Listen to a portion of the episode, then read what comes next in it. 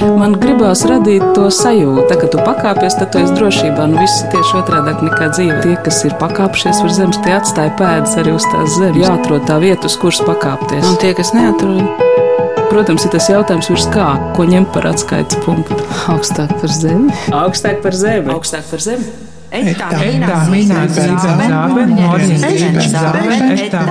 Esiet sveicināti. Vēl tikai līdz septembra beigām. Kultūras pilī Ziemeļblāzma Rīgā vecmilgrāvī. Skatām izstāde Etā Mīnā Zīben Zāben bērnu skaitļi Otobonga krājumā. Vācu-Baltijas Otobongs visu mūžu krāja pagātnes liecības par Baltijas telpu, grāmatas, kartes, iespiedarbus un arī mutvārdu folkloru. Šīs izstādes stāsts ir par pagājušā gadsimta 40. gadu otro pusi, kad Oto Bonks, pats būdams kara svaidīts bēglis, mērķtiecīgi apraukāja vairāk nekā 60 latviešu pārvietoto personu nometnes, savācot apjomīgu un arī tā laika folkloras pētniecības tendencēm neparastu latviešu folkloras krājumu bērnu skaitām pantus. Un tagad jau arī šie skaitīkļi ir daļa no Oto Bonga krājuma, kas kopš 1951. gada Vācijā bija pazīstams ar nosaukumu Baltijas centrālā bibliotēka.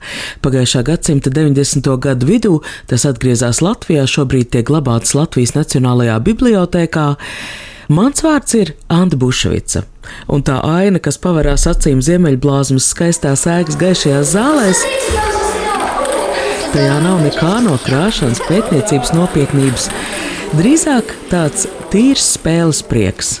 1. septembra pēcpusdienā no rīta vēl svinīgi saposta, tagad pēcpusdienā jau drusku paspūruši, bērni aizrautīgi ripina pa grīdu skaitām pantu zilbēm aprakstīts pingpong bumbiņas un priecājas par to nogruvumu gaisīgi uzbūvētajā ripinām trasē. Viņi lēkā pa krāsainiem, dīvainas formas spilveniem, no kuriem skan skaitām panti, izstādes divās telpās, veidojot skaitām pantu kori, ko līdzīgi tam, ko dzirdējāt raidījuma sākumā. Izstādes etā mīnā zīben zāben bērnu skaitļu autobongu krājumā veidotājs ir kurators Zane Zaņāņčkauska un dizainere Ilza Kalnbērziņa prā. Zane Zaņāņčkauska arī šodien ir atbraukusi uz vecmilgrāvi, lai pārliecinātos, ka vakar atklātajā izstādē arī šodien vēl viss darbojas. Gāja izstādes atklāšanā. O, vakar gāja ļoti jauks, tiešām. Bērns spēlējās ar bumbām, klausījās. Tikai bija tāda, tā kā bija tik daudz cilvēku, ka tie skaņas objekti arī visi um, darbojās vienlaikus, bet bija tāda neliela kakofonija. Bet uh, tas uzreiz veidoja tādas citītas attiecības ar tiem spilveniem, jo cilvēki dažādos veidos liecās viņiem klāt, lai, lai vispār kaut ko varētu sadzirdēt. Es skatos, ka tā spēlēšanās te ir tā galvenā atrakcija. Arī šobrīd bērni ir sajūsmā, bet es neesmu pārliecināta, ka viņi spēlēs ar bumbiņām, bet vai viņi spēlēs ar vārdiem? E, nu, tad, mēs arī rēķināmies, ka tas būs atkarīgs no vecuma. Un arī no tā izstādes varbūt apmeklējuma formāta, ka tādiem maziem bērniem tiešām viņi vakar arī viņi pavadīja no stundām ripinot bumbiņus, un viņiem tā ir bumbiņu ripināšana. Savukārt lielākiem, kas jau lasa, tas viņi izripina bumbiņu, vai kuri varbūt to dara kopā ar vecākiem, un tad, ja viņi tur izlasa tos vārdus. Savukārt pieaugušie nu, ļoti ilgi viņi tās bumbiņas neripinās. Viņi tad arī atsaucās mūsu aicinājumam no tām izripinātajām bumbiņām veidot savus pantus. Tāpēc mums tur ir tās koku stīgas, arī kurā var mēģināt. Jo katrs bumbiņas ir vārds no, no skaitām. Tad ir apmēram 300 vārdu telpā. Pamēģinām kaut ko sacerēt. Pamēģinām, jā. Jo tas arī tāds, varētu teikt, poētikas vingrinājums ir, jo, lai gan vārdiem daudziem skaitām pantos nav atpazīstama nozīme, tas nav pavisam nejauši, kā viņi savirknējas pantā. Tad viņus var mēģināt vispirms salikt nejauši, kā tas sanāk arī no skrejceļa, un tad skatīties, kuri vārdi jāpārveido, jāpārvieto, lai tas tur tiešām uzrastos kaut kāds rītnis. Kas mums tur šobrīd ir? Rābē brīvs, spējai punkē, tika kompānija Steberī Ližam. Nu, ir skaidrs, ka tur tas pāns vēl nav. Tagad mums jādomā, kas no tā varētu rīmēt. Nu, Rekuš ļūts iezīmēs dramatiskais pavērsiens. tas varbūt varētu būt beigās. Virūšs ļūts. Dunkē ļoti labi ritmam. Vai ne? Varbūt rābē brīvi vai rābē dunkē, pējā punkē. Pējā punkē. Vienu rindiņu nobira. Dunkē laikam aizskrējums. Bumbiņu kosmos, kas to radīja? Mēs izdomājām kopā ar kolēģi Ilzi Kambērziņu Prāku, kas ir dizaineri, un tad viņi to jā, arī to. Kāds skrejceļš varētu izskatīties? Jā, izdomājiet, tad, tad, ka viņš tāds viegls un nedrīz vai neredzams un kaut kādā ziņā trausls. Un līdz galam mums to palīdzēja īstenot savukārt galvenais Rudolfs Janovs. Bet par ko ir mūsu stāsts? Te ir jau tāds apraksts, ka tās ir barakas, kazarmas, dzīvojumi, namiņi, no kuriem kādi citi izsviest, lai iemitinātu bēgļus otrā pasaules kara izskaņā. Tad, tad tas ir laiks pēc otrā pasaules kara. Jā, nu, izstāde gan lielā mērā ir par, par valodu, tāpēc arī vēl pirms šīs rinkopes par barakām mums ir rinkopa, kas ir pupiņu valodā. Un, eh, jo mums eh, tā doma bija jā, priekšplānā likt to spēlēšanos ar valodu, tad, protams, arī piedāvāt vēsturisko kontekstu, no kura mm, šie skaitām panti nāk. Un tas vēsturiskais konteksts ir tāds sauktās dipīšu nometnes. Cilvēki, kas tajās ir nokļuvuši un turpina pārvietoties, vai tikt pārvietoti no vienas nometnes uz otru. Un tad, jā, autobons Tātad eh, Baltvārdus izcelsmes rīznieks, kas ir repatriējies 39. gadā. Un, Un tad apbraukāja šīs nometnes, skaitā vairāk kā 60. Viņš apbraukāja un pierakstīja skaitā pantus. Sastopot šo materiālu šobrīd, kas bija tas, kas jūs iedvesmoja radīt arī nu, šo vizuāli tveramo daļu un ar ausīm klausāmo daļu? Priekš mums pašām, kopā ar Ilzi, mums tas sākās ar, ar šīs grāmatas ieraudzīšanu. Šī gan ir eh, palielināta kopija Bonga kladē, ko mums grāmatiesējai Līga Laurinoviča radīja. Bet eh, tiešām mēģinot precīzi atdarināt gan iesējumu, gan, gan arī, nu, piemēram, to, ka Bongs to klādi savu bija ievākojis kartē, un tas ir Igauņu, Igauņu salas. Un, tad viss sākās ar šo grāmatu. Mēs Nacionālajā bibliotekā sadarbojamies ar Vīsburu Zanderu, kas ir Nacionālās bibliotekas vadošais pētnieks kurš tur rūpējas par autobānu krājumu. Tad visā šajā, varētu teikt, eklektiskajā krājumā, ko jau Bonga interesē ļoti daudz lietas, mums acīs un, un sirdī iekrīt, varētu teikt, šī klade, kas ir tikai viena no daudzām skaitām pantu kladēm, kuras pierakstījis Bongs. Un, šeit ir inventarizācijas numuri, paši pantiņi. Jā, nu, tie inventarizācijas numuri, tas ir tas, kā viņš numurēja teicējus. -huh. Piemēram, tas, ka te ir sarkana apvilks 2361, tas mums stāsta, ka tie ir visi panti, kas nāk no Emmas. Grigāns Alajas lejiņos, uh -huh. kuriem viņa dzimusi 1882. gadā un apmēram 12-13 gadu uh -huh. vecumā. Tad kaut kur skaitījusi to ēnku, drēnku, drīlī, drūmu. Un, um, Nu, jā, viņi suģistēja sākotnēji tiešām tādu vizuāli, tā tiešām iedziļināties un saprast, kas tie par tādiem cipariem. Un, un savukārt, tad, kad uh, ielasās tajā kladē, tad tas arī tas ir tik pārsteidzošs saturs. Nu, proti, ieraudzīt to savu pazīstamo valodu un vienlaikus tik nepazīstamu un rotaļīgi lietotu. Nu, tur, protams, veidojas arī kaut kāds tāds kontrasts starp to, varētu teikt, tādu bērnu daudzīšanos, tur eh, sijā, vijā kampānijā, salmu raku, tiku taku. Un to situāciju, kur eh, neizbēgami nāks iztēloties, ka tas ir vai nu pie kādas barakas vai pie, pie dzīvojamā nama, kur arī citreiz tā ir 80 gadīga kundze, kas piesēž ar bongu.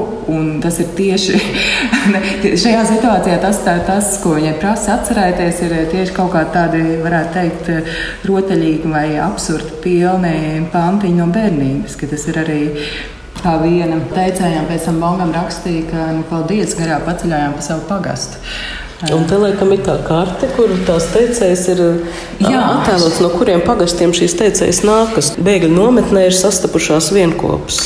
Jā, ir tā, ka mēs šo karti pēc, arī pēc Vanga parauga veidojām gan ar nolūku parādīt Tātad, no kurienes visi šie skaitām panti nāk, bet nu, mēs cerējām arī ieinteresēt, ka katrs cilvēks sāk skatīties to savu interesējošo pagastu Un pēc tā cipara viņš savukārt grāmatā var atrast eh, pantu, kas ir, nu, piemēram, viņa, viņa bērnības vietās skaitīts pirms 150 gadiem.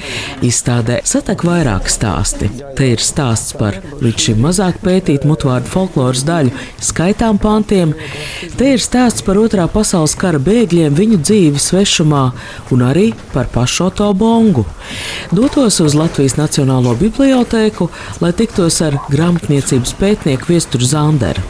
Tad, kad pirms diviem gadiem bija Oto Bonga simtgadi, un šeit pat blakus mūsu izstāžu zālē bija viņa veltīta uh, ekspozīcija, tad ieskicējot Bonga personību, kas ir, protams, ļoti interesanta, bet Latvijā samērā maz zināma, tur bija arī kad Otobongs pārvietoto personu nometnēs pierakstīja šos latviešu bērnu skaitām pantus, tad arī tie tika eksponēti šajā izstādē. Un, acīm redzot, interesēja gan kolēģis, gan arī izstādes dizaina veidotāju Ielas Kalnbērziņu prā. Viņas vēlēs pie tā atgriezties kādā atsevišķā veidolā. To mēs pirms brīža arī dzirdējām Zana Zajančkauskas stāstītajā. Šobrīd Ziemeļblāzmā skatāmās izstādes iecere faktiski ir izaugusi no vien vienīga 2018. gada izstādes Oto Bonks krājējs eksponāta. No iespaidīgās klades, kurā pierakstīts skaitām panti, lasot Oto Bonga dzīves gājumu, mēs uzzinām par cilvēku, kura dzīvi mētājuši pasaules vēstures lielie notikumi. Un tomēr viņš spējas šajos juku laikos atrast savai dzīvei uzdevumu, to sekmīgi arī piepildīt. Rīcinieks otrajā paudzē, guvis labu sākumu izglītību, taču nekad nav piederējis akadēmiskajai videi. Oto Bongs bijis drīzāk entuziasts, un tieši tāpēc reizēm viņa interešu lokus bijis atšķirīgs, un arī pielietotās metodas bibliogrāfisko retumu iegūšanai. Oto Bonks 40. gadu otrajā pusē, kad pierakstīt mūsu interesējošie skaitām panti, vēl ir jauneklis, 20 gadnieks. Kas tad viņu pamudināja pievērsties latviešu folkloras vākšanai? Dažādas ar kultūras vēsturi, vēsturi saistītas liecības Bongi ir interesējuši bez pārspēlēm jau no agras jaunības, no pusauģa gadiem, kad viņš ir piedalījies arī Latvijas universitātes profesorē Edvards Šturam vadītos arheoloģiskos izrakumos kurzemē, pabeigdams 30. gados Rīgas valsts klasisko ģimnāziju.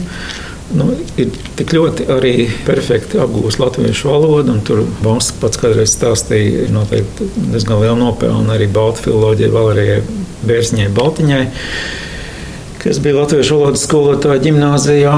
Līdz ar to tie, kas vēl kādreiz 90. gados Baumu šeit Rīgā satika, varēja ar viņu sarunā pārliecināties, cik tiešām bagāta kupla kopta ir arī bonga valoda.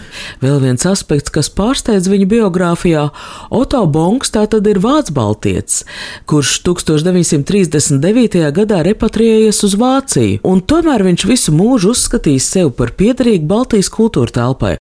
Viņš, protams, dzimtenes zaudējumu uztvēra ļoti sāpīgi, bet tajā pašā laikā bez tādas ilgstošas sentimentālas gremšanās jau 50. gadu sākumā. Sākumā atrodoties Berlīnē, vēlāk pārceļoties uz Vācijas rietumu reģioniem. Tur arī viņš ar lielu neatlaidību un intuīciju prata un spēja atrast dažādas bez saimnieka, bez īpašnieka palikušas liecības, grāmatas, periodisks izdevums, vecas kartes, attēls. Jo mums jau šobrīd ir iespējams ļoti grūti iztēloties, ko ļaudis zināja par to, kas Latvijā notiek, kas Latvijā ir izpostīts, neglābjami gājis zudībā un, un ko tur uz rietumiem aizbraucot, vienalga vai tie būtu Baltijas vācieši vai Igauni, Latvieši, Lietuvieši lai arī tas tomēr tiktu rūpīgi saglabāts. Uzkrāts, un tāpēc arī teiksim, tas autobonga lielākais, plašākais sabiedrībai zināmais veikums ir viņa biblioteka ar nosaukumu Baltijas centrālā biblioteka, kas ar tādu zīmolu pastāv kopš 51. gada, kad Vācijā atjaunotā Latviešu Lietuviešu vienība šādu nosaukumu šim krājumam piešķīra. Un jau 25 gadi kopš 90. gada vidus Latvijas Nacionālā bibliotekā ar Oto Bonga dzīves laikā savāktiem vērtībām katrs interesants var iepazīties. Laikam mūsu stāsta kontekstā būtu svarīgi saprast, vai šajās bēgļu nometnēs viņš ir nu, kā bēglis, vai viņš ir ieradies ar mērķi vākt šo folkloru. Vai tas ir zināms? Godīgi sakot, es tā ļoti precīzi uz šo jautājumu atbildēt nevaru, jo paradoxālā kārtā par pašu autobombu tādu ļoti ticamu un pietiekami daudz biogrāfisku datu nemaz līdz mūsdienām nav nonācis, nav mūsu rīcībā. Ja. Bet, lai kā arī nebūtu, šeit, es domāju, arī tajās viņa bēgļu skaitām pantu pierakstītāju gaitās, tā kā viņš to ir darījis, kā viņš to arī, arī atspoguļojas. Jau pat tajā laikā Baltvāciešu veidotā izdevumā nosaukuma Baltiešu runšau, kas bija arī izstādē parādīts. Viņš iet tos pašus rindinieku bēgļu ceļus. Viņš nav kaut kā distancēts, nu, tāpēc, ka es esmu no, no, no citas, kas ir sociālā. Tas ir tas pats liktenis un tās pašas gaitas un tā interesētība par latviešu bērnu skaitām pantiem jau par to arī pēc būtības liecina. Kāpēc tieši skaitām panti? Tas varbūt ir tāds rets izņēmums, kuram es pieļauju, ir arī tāds nedaudz biogrāfiski iekrāsots raksturs. Jo tad, kad vēl 70. gados Rimdā iznākušajā literārajā žurnālā ceļzīmes bija publicēts autobombu raksts ar nosaukumu Latviešu bērnu skaidru kurzemē, tad tas tieši iesākās ar tādu atskatu no Bonga bērnu dienām, kad viņš ir no sava brāļa, kuru viņš pazaudēja Otrā pasaules kara rezultātā, iegaumējis vienu skaitām pantiņu. Atļaušos viņu arī nocitēt. Es uztveru musteru kokā lēkā, kam par bumbiņu ķīvī ķips, nolauž kājiņu, paliek klips. Un, uh, Tas viņu ir interesējis, un viņš to laiku, ko viņš pavadīja, nu, nevis, katrs jau var dažādu savu atvēlēto laiku pavadīt, tā skaitā šajās bēgļu nometnēs. Nu, nevis vienkārši kaut kā dīķi nobumbulējis, bet diezgan mērķiecīgi staigājot no nometnes no vienas uz otru, pierakstījis, saticis dažādu pauģu cilvēkus, vairāk kā 2300 personas, un pierakstījis šo mazāk Latvijā līdz tam uzkrāto, mazāk zināmo folkloras apakšžānru ar visiem variantiem. Jo galu galā arī šiem skaitām pantiem jau, jau tāpat kā tautsdziesmām vai pasakām vai citiem folkloras žanriem ir dažādas uh, variācijas un pēc tiem pierakstiem. Arī viņš ir mēģinājis kaut kādas secinājumus un sistematizāciju tajā visā izdarīt. Esam atpakaļ kultūras pilī Ziemeļblāzma. Izstādē Etāmīnā Zīben Zāben bērnu skaitļu autobonu krājumā kopā ar Zemi Zajenču kausku. Viens no izstādes eksponātiem ir tāda jocīga burtnīca, tāda kā piezīmju klade. Nu, mēs viņu saucam par zīnu vai nu, tādu personīgu burtnīcu. Domājot par to, kā ienest to vēsturisko kontekstu izstādē. Mēs domājam, kas ir tas, nu, kā mēs to varētu darīt. Personīgi un subjektīvi to darīt. Un līdz ar to tas zīmes vai tā, tā jocīgā burtnīca, kas mums tapu kopā ar mākslinieci Sabīnu Mori. Viņa ir kā tādas jā, personīgas procesa piezīmes, kur ir jautājumi, kas mums pašām likās būtiski strādāt pie šīs izstādes. Nu, piemēram, cik bieži runājot par dipīšu nometnēm, cilvēki visi iekrīt tajā vienā identitātē bēgļi. Tad mēs savirknējām arī klausoties vairākas stundas no intervijām un arī lasot materiālus, savirknējam virkni ar identitātēm, kas tad vēl visi šie cilvēki ir, ne tikai bēgļi, ka sākot ar visādām iesaukām un DP atšifrējumiem, dipīši un dievu putniņi, bet arī medmāsas, tur savējie svešie radiotehniķi, agronomi, vērpēji, skaragūstekņi. Nu, tur ir eh, virkne identitāšu, kas turklāt plūst un mainās, tas tā ir arī tās DP nometnes ir vieta, kur kāds inženieris pārklaucēs par kurpnieku vai, vai apgūst uh, kokapstrādes darbus, domājot par to, kas būs tā, tā nākamā profesija. Es izdaru secinājumu, ka šī izstāde Ziemeļblāzmā faktiski ir mēģinājums iejusties, apiekt vēstures notikumus. No muzeja un pētniecības centra Latviešu pasaulē aizņemoties vairāk stundu intervijas ar kādreizējiem kara bēgļiem, ar mērķi atrast mūsdienām noderīgas vērtības kādreizējo trimdīšu stāstos. Un tā sarunāšanās Tā ir varena lieta, jo savukārt Latviešu pasaulē muzeja speciāliste Marijana Auliciema ir pārsteigta, cik mūsdienīgas ir bijušas Oto Bonga intereses. Man ļoti uzrunāja tas, ka tā folklora, ko viņš izvēlējās vākt, ir tāda no bērniem, jo es eh, Melburnā, kad strādāju Melburnas muzejas vāca bērnu folkloru, nu, mūsdienīgu, kā bērns izsakās, ka cits bērns tur nopirdās un kaut kādas tādas lietas. Viņi vāca tos izteicienus un tā, mm. bet es neiedomājos, ka tajā laikā laikā tu iedomātos, vākt tos bērnu pantiņus, jo tie bērnu pantiņi liekas tik eh, nesaprotami un muļķīgi īstenībā. Bet, eh, protams, ka tur ir kaut kāda dziļa tradīcija iekšā, bet kurš no mums var saprast, kas tur ir bijis? Ar tevi es satikos tāpēc, lai uzzīmētu mazliet to fonu, kur tas notiek. Jo bērnu skaitām panti kaut kas tik rotaļīgs, kaut kas tik viegls, bet tas fons būtībā ir Vācija, bēgļu gaitas, bēgļu nometnes, cilvēki izsist no savu ikdienišķā, mhm. un pēkšņi viņiem piedāvā šādu sarunas tēmu, nu, noskaitiet kāds bērnu skaitīkli. Bet tajā laikā cilvēki bija izbraukuši, viņiem īstenībā nebija ko darīt. Daļa strādāja administrācijās, tajās nometnēs bija dažreiz bija latviešu nometnes, kur tikai latvieši, un citreiz bija arī citas tautības, bet katrā ziņā cilvēki bija vienā vietā un nezināja, kas būs tālāk. Nebija jau nekādas. Nu, daudz cilvēku cerēja, ka viņi aizbrauks mājās, ka tas ir tikai īslaicīgs. Un tad viņi sēž un gaida, kas tagad būs un kur tu tagad brauksi. Un tad es domāju, ka ļoti daudz cilvēku meklē, ko darīt. Un droši vien tas bija diezgan interesanti, ka atnāk Oto Bongs un saka, ko tu atceries no bērnības. Bet arī bērni tajā laikā bija ļoti svarīgi. Es domāju, viņiem vienmēr ir svarīgi. Es domāju par manu draugu, kur dzīvo Minneapolē, kur ar visām Amerikas lietām, kas pašlaik notiek.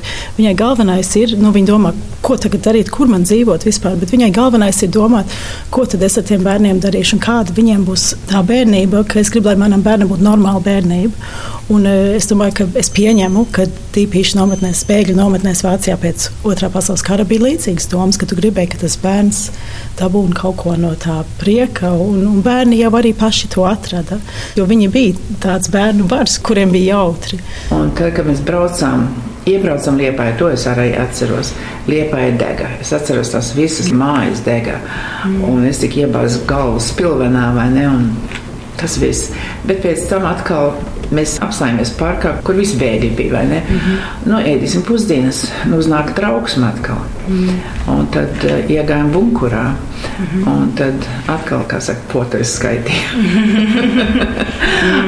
Viena no izstādes sadaļām ir arī video liecība, izveidot no bēgļu stāstiem. Visi gāja, tas bija tāds straume, cilvēki gāja. Un, un tu, tev bija jāiet, tur nemaz nedomāja par.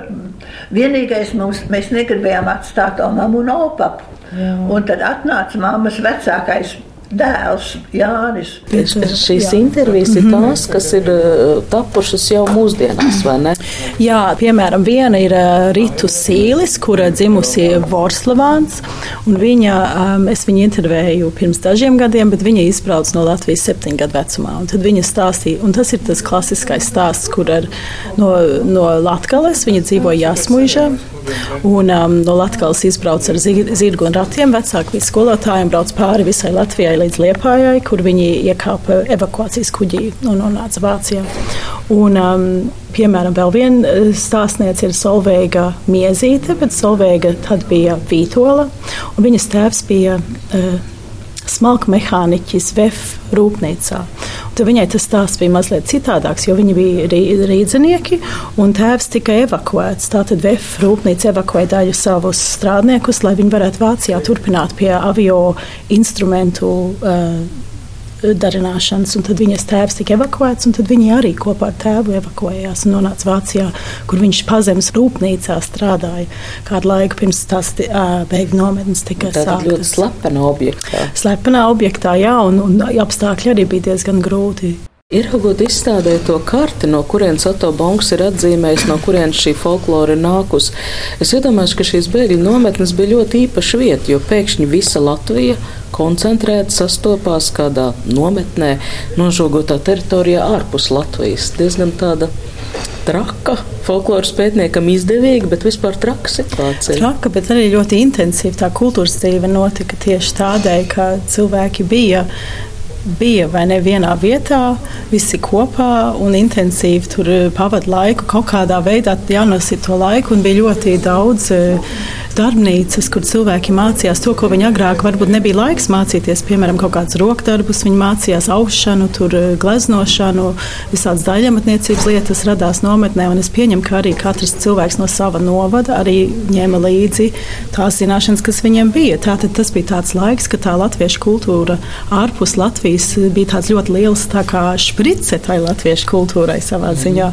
Un tas arī deva to pamatu tālāk trimdā, kad tās ārzemju kopienas sanāca kopā. Viņiem bija bijuši tie pieci intensīvie gadi kopā kultūras ziņā, tanīs nometnēs. Man liekas, tādēļ arī tās latviešu kopienas bija tik stipras arī ārpus Latvijas no sākuma. Mēs kādu brīdi arī domājām, kā vēl varētu paspēlēties vai ko iesākt ar šiem noslēpumainiem vārdiem, kuru nozīmes eh, mums nav pieejams, kas ir iespējams bērni izdomāti. Nu, kā piemēram krapts vai tilītips. Un, Un tad mēs pajautājām eh, Andai Lācei, Ievai Saulītei un Kasparam Groševam, lai viņi mums katrs atveido plastlīnā, nu, kā viņi dzird krapts vai kā viņi dzird tur ona, dona. Un um, tad no viņiem ieguvām šīs uh, plastlīna figūriņas. Un eh, dažas no tām mums tādos lielos telpiskos objektos palīdzēja pārvērst. Tie ir tie sēdekļi, kuri runā. Ja? jā, nu, sēdekļi, vai nu šis mēs tomēr pret viņiem kā tādām dzīvām būtnēm izturamies, šis ir krapts. Jā. un mēs viņiem pret, jā, pret viņiem vairāk kā tādiem sarunbiedriem varbūt izturamies kā sēdekļiem. Bet par tām formām arī mēs, mēs līdz tām formām aizdomājāmies, tāpēc ka interesējoties vispār arī ko nu, valodniecībā vai lingvistikā, ko mēģina nu, analizēt, lai saprastu, kā darbojas lūk, šo vārdu krājumu, kas acīm redzot arī ir valodas daļa, bet kas nav par šīm vārdu nozīmēm, bet drīzāk ir par vārdu skaņu. 30. gados bija veikti pirmie pētījumi, kas eksperimentālā kārtā noskaidro, ka lūk, arī vārdiem, kuru nozīme mums nav pieejama, mēs tāpat piešķiram kaut kādu formu. Turklāt viens valodas vai kultūras ietvaros tās formas ir eh, līdzīgas. Un, nu, labi, mums to par eksperimentu nevar saukt, jo mums tur ir trīs mākslinieki, bet vislabāk mums tas eh, parādījās ar to onu doni, jo viņi jau neviens nezināja, ko katrs dara. Bet, piemēram, Monē Donē viņi ne tikai visi izvēlējās oranžīgos toņus, Bet, nu, te, piemēram, arī Anna Lācis, Ona Dona ir bezmazliet kā cepurīte, Ievas Saulītes, Onē Donē un Kasparam tur arī kaut kas tāds. Un Ona Dona noteikti dvīnas, es skatos. nu, jā, un tā arī viņa skan, vai ne?